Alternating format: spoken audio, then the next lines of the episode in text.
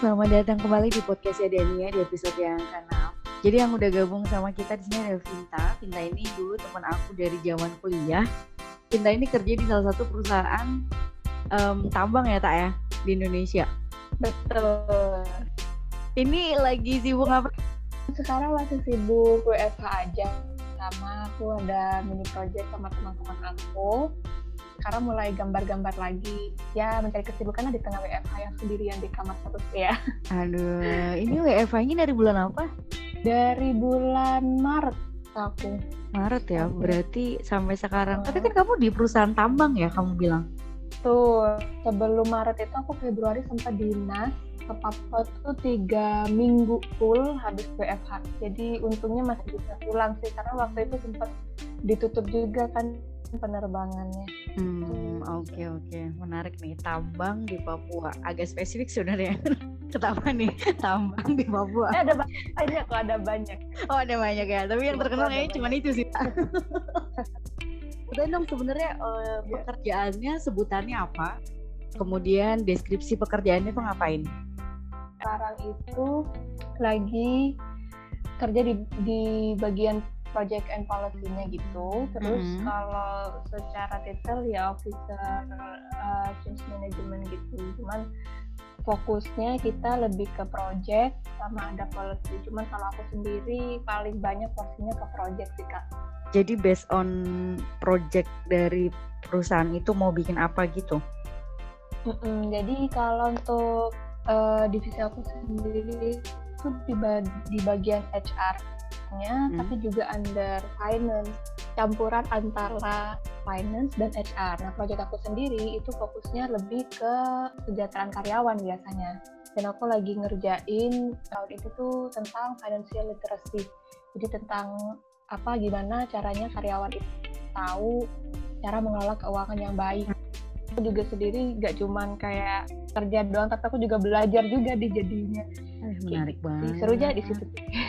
Baik baik. Jadi, udah dapat aku, bahan materinya dulu. Iya kan? Enggak aku pikir tuh beneran deh waktu aku lihat kan kamu sering tuh posting kayak lagi di site gitu. Terus aku mikirnya oh ini anak udahlah jalan ke site tapi juga bikin pelatihan gitu. Jadi sebenarnya fokusnya ke developing internal organisasinya ya.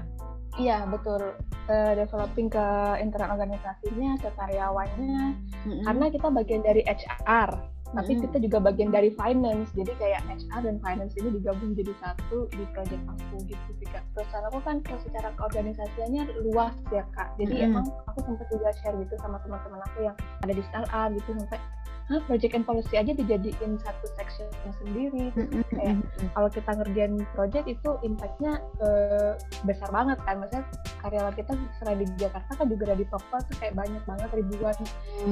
Jadi setiap dan apa backgroundnya juga macam-macam kan. Secara hmm. culture uh, suku kesukuan itu jadi dulu kuliahnya apa ya?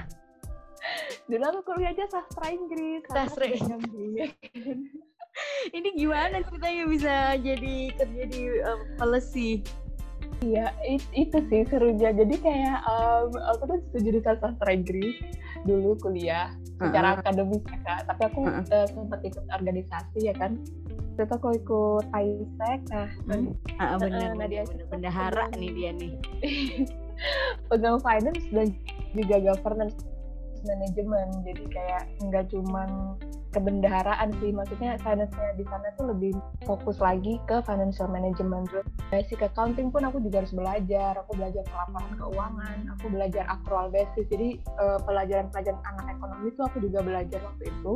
Mm -hmm. plus ada governance manajemennya juga yang aku pegang. Di situ ada SP, ada policy dan pegang aku organisasi ini. Ternyata kan network kita tuh uh, luas ya. Supervisor aku di sini itu alumni ISEC juga dulu di Brawijaya gitu. Jadi aku juga nggak tahu gimana ceritanya. Pokoknya ininya uh, kita satu alumni waktu aku coba-coba apply di sini, eh ternyata supervisorku alumni organisasi ini dan karena tahu apa ya bidang di dalam keorganisasian ini jadi mungkin udah tahu lah ya hmm. yang aku pegang nih dan sesuai banget sama profiling aku ketika organisasi dan sastra Inggrisnya kepakainya ketika lu ngerjain policy prosedur karena harus terjemahkan ke versi Inggrisnya.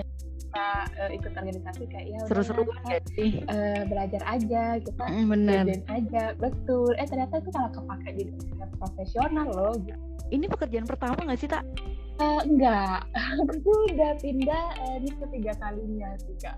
Oh, udah ketiga kali kerjaan ya. Pertama, hmm, kerjaan pertama aku hampir mirip juga ke governance ya waktu itu aku di salah satu asosiasi juga. Mostly lebih ke profiling aku ketika aku di organisasi daripada di jurusan. Kalau misalnya ada kamu yang lagi dengerin dan mikir, uh, ih aku tuh jurusannya ini, lulus jadi apa sih? Ya kita lu mau jadi apa? Aku juga, banyak kan? Kalau misalnya memang udah tahu mau jadi apa tuh jadi um, apa namanya ada banyak jalan lah untuk mencapai apa yang diinginkan. Betul. Banyak banget kok dari teman-teman aku tuh bahkan ada yang kayak jurusannya udah spesifik perpajakan gitu ya. Ternyata hmm. sekarang malah masuk ke dunia digital. Hmm. Itu kan bener-bener nggak nyambung ya. Maksudnya digitalnya secara digital. Oke, lanjutannya Nevin. Kalau misalnya perusahaan tambang itu kan identik dengan isinya tuh laki-laki ya. Kalau di divisi kamu apa? Khusus divisi kamu jadi banyak perempuan atau rata aja gitu di semua tempat? kalau di divisi aku justru lebih banyak perempuannya kak mm-hmm. gitu. Kalau emang secara apa ya kerjaan teknis yang operasional itu memang lebih banyak laki-laki gitu. Tapi kalau untuk di Jakarta sendiri dan divisi aku tuh uh, kebanyakan perempuan di sini waktu tapi yang nggak yang sampai 90 banding 10 persen gitu enggak coba kayak 60 banding 40 lah gitu. hmm, rata lah. kalau kesulitan di Jakarta kayaknya banyakkan perempuan hmm tapi yang di Papua lah yang banyak laki-lakinya. Iya betul. Ini kalau misalnya apa namanya tak ada yang kepo lagi gimana sih caranya um, kerja di perusahaan tambang gitu? Gimana caranya kerja di perusahaan tambang? Play. Kalau ya pelayan tuh. Jadi kalau misalnya ya emang sih tergantung dari apa ya passion atau apa uh, profile profile kita ya. Kalau misalnya kita tuh dulu aku pernah deh sempat kayak nanya ada uh, teman gitu lah ya eh aku mau dong apply di kayak perusahaan yang teknik banget gitu terus bilang nah di sini nggak terima jurusan sastra Inggris gitu kayak gitu kan. Maksudnya kan emang spesifik banget. Terus kayak aku mikir masa sih? Kayak gitu kan pasti ada kayak back office-nya pasti mereka punya uh, sistem yang bisa dikerjain oleh bidang-bidang umum gitu kan. Ya udah mm -hmm. uh, waktu itu sih aku percaya aja yakin aja kalau misalnya kita nggak sesuai jurusan teknik tapi pengen kerja di bidang itu ya kita cari celahnya yang bagian administrasinya terus manajemennya gitu kan. Itu pasti sebuah organisasi itu butuh seseorang yang ada di back office-nya gitu. Nggak semuanya di lapangan nggak semuanya harus terjun ke operasionalnya. Kan pasti harus ada yang ngatur Nah kalau memang apa jurusan kita atau secara profiling atau ada di bagian administrasi dan manajemen kayak di situ, ya carilah peluang-peluang yang meskipun eh, sama-sama di, eh, di bidang tambang tapi di bagian uh, back office-nya kayak gitu. Oke hmm, oke. Okay, okay.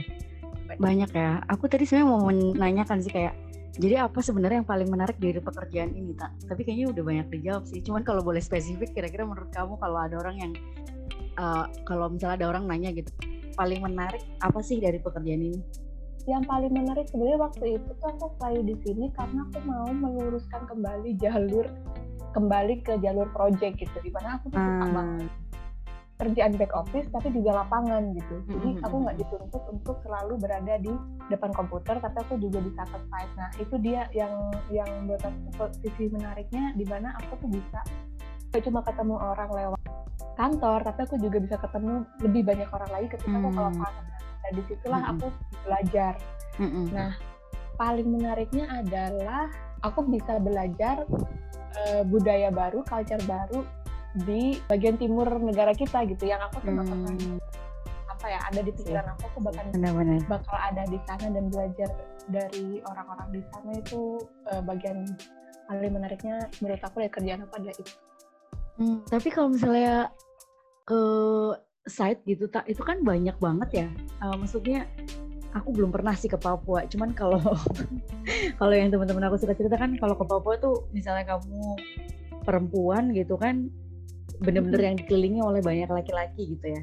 Itu ada nggak sih perasaan-perasaan kayak ini kayaknya kalau aku laki-laki my job will be easier gitu? Ada ada. Jadi ada kayak apa ya stigma kali ya. Maksudnya karena di sana tuh lebih banyak laki-laki dan ketika ada satu perempuan beda aja tuh udah langsung dilihatin gitu loh kayak mm -hmm. kelihatan gitu. Makanya aku lebih kayak jaga-jaga diri aja sih mas. Itu kan kalau di set itu kan ibaratnya terisolasi ya orang tuh mm -hmm. emang kerja di situ tinggal di situ dan dilihat itu itu aja. Apalagi kalau misalnya ada bagian um, tempatnya isinya emang cowok semua gitu. Ketika kita lewat cewek itu dilihatin aku merasa kayak sedikit mm, nggak mm, nyaman misalnya kayak gitu mm -hmm. nah cara yang aku lakukan adalah ya tampil yang biasa aja gitu kayak nggak harus yang menor banget atau gimana hmm. untuk tidak menarik perhatian kalau emang aku kan tipenya pemalu ya kan kak saya nggak suka juga liatin kayak gitu kayak aku risi aja kayak gitu ya hmm. jadi um, itu itu sebelum aku berangkat pertama kali pun udah kayak dijelasin gitu di sana tuh culture-nya kayak gini ya kalau ketemu jadi sapa aja, baik aja. Tapi kalau misalnya kayak udah mulai macam-macam, ya itu kayak mulai agak renggang dikasih jarak misalnya kayak gitu jadi emang udah dikasih tahu kita kalau misalnya sebagai perempuan ketika masuk di jauh itu harus kayak gini-gini misalnya kayak gitu. hmm, gitu. Tetap ada lah ya harus kompromis ya. Maksudnya kan kalau di bawah ini kan pasti ih males banget gini-gini nih, ih nyebelin banget. Tapi kan namanya pekerjaan ya, harus kompromis juga ya. Betul betul. Jadi um, kalau misalnya aku jadi laki-laki mungkin akan lebih mudah betul karena lingkungan di sana kan lebih banyak laki-laki ya. Hmm. Cuman ya itu karena kita sebagai perempuan kita harus um, beradaptasi gimana caranya membuat kita nyaman juga di lingkungan benar, itu. Benar, benar, benar juga sih. Ya long way to go ya kalau mau bilang kalau perempuan kemudian uh, ya udahlah mau gimana tetap hmm. dihargai sebagaimana bentuknya mau dandan mau apa hmm. tapi memang balik lagi ya culture-nya masih belum belum sampai ke arah situ ya. Hmm, cuman baiknya adalah gini kak meskipun uh, ada ya maksudnya kayak oknum yang nggak semuanya laki-laki gitu tapi perempuan di sana kan jauh dilindungi gitu kayak dikasih duluan deh perempuan duluan itu tuh ada dan misalnya kayak di bandara mm-hmm. ketika kita ngantri yang dipanggil itu kayak perempuan duluan. Meskipun yang antri itu udah laki-laki ya yang perempuan mm-hmm. yang di belakang belakang tuh dipanggilin oh ayo cepetan cepetan kayak gitu. Terus anak-anak kecil juga disuruh naik uh, bus duluan kayak gitu. Jadi mm-hmm. semua di sana itu untuk secara peraturan ya. Peraturan yang sudah menjadi budaya adalah anak-anak dan perempuan itu didahulukan. Itu yang aku sangat suka Meskipun sebenarnya ada kadang-kadang ada orang yang bilang kayak kenapa harus dibedain perempuan duluan ya tapi ini kita lagi bicara budaya dan kita lagi menghormati, mencoba menghormati dan melindungi ya. Betul. Hmm, menarik. Tapi kalau misalnya tak misalnya nih berandai-andai terlahirnya sebagai laki-laki ini masih akan memilih jalur pekerjaan yang sama atau kayak kalau aku cowok sih aku mendingan jadi technician aja gitu aku nggak pernah sih kepikiran untuk jadi cowok atau menjadi cewek maksudnya kayak apa pun yang aku lakukan sekarang tuh mm-hmm. sudah sudah banyak diberikan kebebasan di mana aku nggak sampai mikir sih kalau kalau aku jadi cowok aku mungkin bisa jadi kayak gini ya gitu dan aku mm-hmm. syukurnya dari orang tua aku sendiri memberikan kebebasan yang sama dengan kakak aku yang cowok gitu hmm. itu satunya di keluarga aku gitu jadi aku bahkan bisa kerja tuh sampai di sini gitu jangan jauh banget dari rumah sedangkan kakak aku punya usaha di rumah jadi kayak kebalikan gitu dan it's fine di rumah aku. Jadi hmm, aku ya ada faktor keluarga ya. Betul. Jadi kalau misalnya aku disuruh apa kamu menjadi laki-laki akan memilih kerjanya sama? Ya sama karena aku apa di sini pun aku nggak mikir aku nih perempuan atau gitu. Best. karena aku maksudnya aku pertanyaan ini muncul karena kayak kadang-kadang ada orang yang uh, misalnya nih aku tidak berusaha untuk apa namanya merendahkan pekerjaan yang lain gitu. Tapi kalau misalnya kayak ya kan cewek ya pastilah di administrasi ya kan cewek ya pastilah jadi uh, front office misalnya kayak gitu. Padahal sebenarnya perempuan-perempuan ini juga merasa cukup apa istilahnya sadar ketika memilih pilihannya kan? Betul. Tidak Karena bukan yang kayak... jadi terbatas gitu loh. Maksudnya ya mungkin yeah. ada lah glass ceilingnya cuman secara sadar kita juga bekerja untuk uh, memastikan kita sampai ke sana kan Iya mm betul kak. Ini sih aku lebih memang lebih ke keluarga sih. Jadi keluarga aku kayak misalnya nih aku dilihat sebagai cewek lemah gitu ya pasti ibu aku mungkin akan bilang kamu kerja deket-deket aja lah misalnya contoh di Surabaya karena aku dari Jombang nih kak. Di sini sekitar sekitar sini aja lah. Enggak enggak ada pernah kata-kata itu. Sejauh ibu aku selalu supportnya kayak sejauh kamu bahagia dan sesuai dengan pilihan kamu sendiri dan bertanggung jawab lakuin. Nah itu yang bikin kayak aku bisa apply di mana pun. Maksudnya Benar. aku bisa apply kerjaan di mana pun sejauh Benar. apa pun aku merantau itu tidak apa ya tidak memandang gender. Aku sendiri juga besar di keluarga yang kalau misalnya mau pergi jauh tuh ayah cuma nanya kayak berani nggak? Berani ya? Ya udah pergi aja gitu. Ya, ya, kan yang gitu-gitu kan yang bikin kita jadi kayak oh ya emang aku harus bertanggung jawab. Kan tadi udah ditanyain berani apa enggak gitu. Iya benar kamu ke Papua sendiri? Aku pernah kayak di Nas tuh literally sendirian berangkat. Jadi biasanya aku nggak uh, bawa banyak orang gitu ya kan kak. Bawa hmm. banyak orang. Ini aku sendirian berangkat. Terus kata ibu aku sebagai kamu berani sendirian ya berani lah mau mau gimana lagi dan aku juga kayak lebih excited kalau sendirian pengen tahu aja rasanya kayak gimana aku bilang gitu. Dan Emang itu dibolehin kayak dibolehin ya. ya gitu. Uh, sih benar-benar. Sebenarnya yang diperlukan cuma itu sih uh, apa namanya kebebasan untuk memilih kan mau jadi seperti apa. Menarik Betul. banget cinta boleh dong kasih tips nih untuk yang misalnya kepikiran akhirnya eh, aku uh, ingin berkarir seperti Vinta Rahmawati eh Fatmawati aku pengen berkarir seperti Vinta Fatmawati. Mana tips and triknya memulai dari mana perjalanannya sebenarnya aku tuh masih kayak belum berasa kapasitasnya ya untuk dijadikan contoh gitu ya kayak ya. Maksudnya aduh masih jauh lah masih jauh lah masih jauh banget tapi kita nggak pernah tahu loh tak barangkali ada orang yang benar-benar kayak uh, aku pengen banget loh kayak Pinta gitu. Mungkin berdoa siang malam aku pengen kayak Pinta gitu. Aduh. Jadilah uh, diri kalian sendiri ya jadilah diri kalian sendiri. Karena aku kalau untuk apa ya um, perjalanan karir kita kan pasti beda-beda ya kayak aku tipe hmm. orang yang uh, prepare anaknya maksudnya mempersiapkan semuanya tuh aku lebih suka mempersiapkan semuanya tuh dari awal jadi hmm. bisa kayak gitu ya hmm. nah aku tahu kayak kekurangan aku adalah waktu zaman sekolah misalnya ya sampai SMA kekurangan aku adalah ikut organisasi. Nah, kan? Mm-hmm. ya udah waktu kuliah aku pengen organisasi biar aku kayak dapet dapetin itu. Jadi lebih ke yang pertama adalah experience kali ya pengalaman kita. Mm-hmm. Uh, dipupuklah sejak dini, disiapkan sejak dini. Itu itu aku, nah, itu aku. Misalnya yang lain ya mungkin bisa melakukan apa ya penambahan skill tuh dari cara-cara yang lain gitu. Apalagi kalau sekarang pandemi kan mungkin bisa nambah skill dari um, course online itu kan banyak banget ya kan? Bener, jadi uh, fokusnya sih lebih ke nambah skill, nambah pengalaman. Itu bisa diawali dari sekarang atau dari jauh dari kita sekolah misalnya. Jadi nggak yang bener-bener cuma diem-diem aja gitu kan kan misalnya baca buku kalau emang suka buku. Ya itu nambah-nambah pengalaman terus habis itu nambah-nambah networking juga. Mm-hmm. kayak kan kita nggak pernah tahu ya kak maksudnya kita teman sama uh, sama siapa aja terus kita dibukain pintu rezeki dari mana aja gitu kan. Mm-hmm. saya kayak aku sama kakak nih dari temen kos bisa jadi teman podcast ya kan.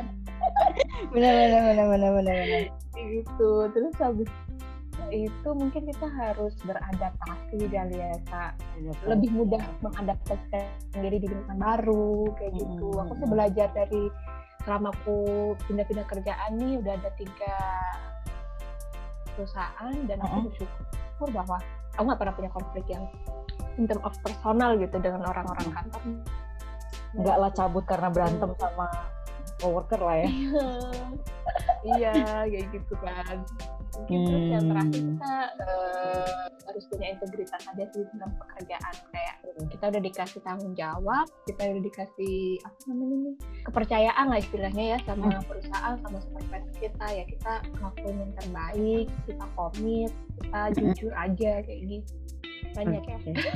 Tapi jarang sih. jadi aku maksudnya jadilah diri kalian. Jadi diri sendiri ya. Tapi tadi aku uh, highlight sih Vinta bilang kalau ya pengen ngebenerin jalur CV gitu. Berarti kayak sebenarnya dari awal kamu udah tahu ya karir seperti apa yang dibayangkan guys? Hmm, karena kan uh, setelah kita lulus tuh kayak bingung ya, jadi apa yang aku sekarang mau jadi apa ya oke aku coba waktu itu setelah di, di kayak asosiasi gitu ya emang sih back office dan lapangan tapi lebih banyak ke lapangannya waktu itu capek juga ya gitu misalnya terus uh, di perusahaan aku yang kedua aku uh, sempat join marketing gitu tapi kayak apa marketing telemarketing gitu yang by phone gitu kan mm-hmm. tapi sempat ke ke customer juga itu ke lapangan tapi dikit banget dan aku bosan mm. oke okay, aku pengen banget project yang back office tapi juga lapangan gitu kan ini pas mm. banget jadi aku apply-nya langsung semua yang berhubungan dengan uh, titelnya project posisinya project terus aku baca deskripsinya itu aku apply semuanya. Menarik banget yang mengikuti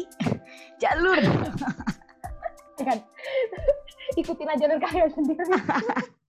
Enggak biasanya kan kadang-kadang kayak ada yang uh, bener-bener nggak tahu kan mulainya dari mana sih. Kayak misalnya tadi kan apakah harus ikut organisasi apa mendingan IPK-nya yang ditinggiin. Jadi uh, mahasiswa yang kuliah pulang kuliah pulang gitu kupu-kupu mm. ya kan sama ini sih jadi dari dulu tuh kan um, di di jurusan aku itu ada dua ada dua pembedaan ya ada yang ambil project ada yang ambil tesis mm -mm. gitu kalau kita mau lulus mm -mm.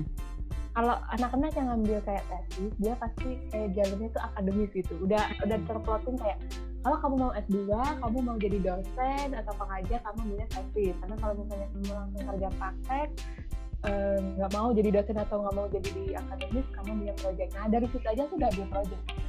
Oh baik.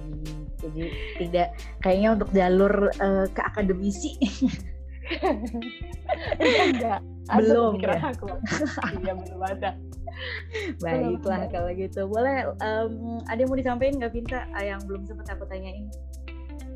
Eh eh kayaknya mungkin kalau misalnya kita, apa ya apa ya kalau jadi kita jadi perempuan iya benar sih uh, kita pengen kerjaan tuh yang bisa dilakukan oleh perempuan dan laki-laki dan tidak ada pembatasan diri dan kalau secara karir sih uh, kita siap-siapin aja lah. Uh, pengembangan diri aja berdoa rezeki semua yang diatur. Sama Tuhan yang penting kita udah berusaha dan nggak diem-diem aja. Sepakat ya, gitu. yang namanya usaha tidak mungkin mengkhianati hasil ya kan? Eh kebalik ya. hasil tidak mungkin mengkhianati usaha. Iya iya aja lagi. Kok jadi iya iya? Kebalik pula Oke deh, thank you banget Cinta ya udah uh, ya. waktunya untuk ngobrol bareng. Bye for now.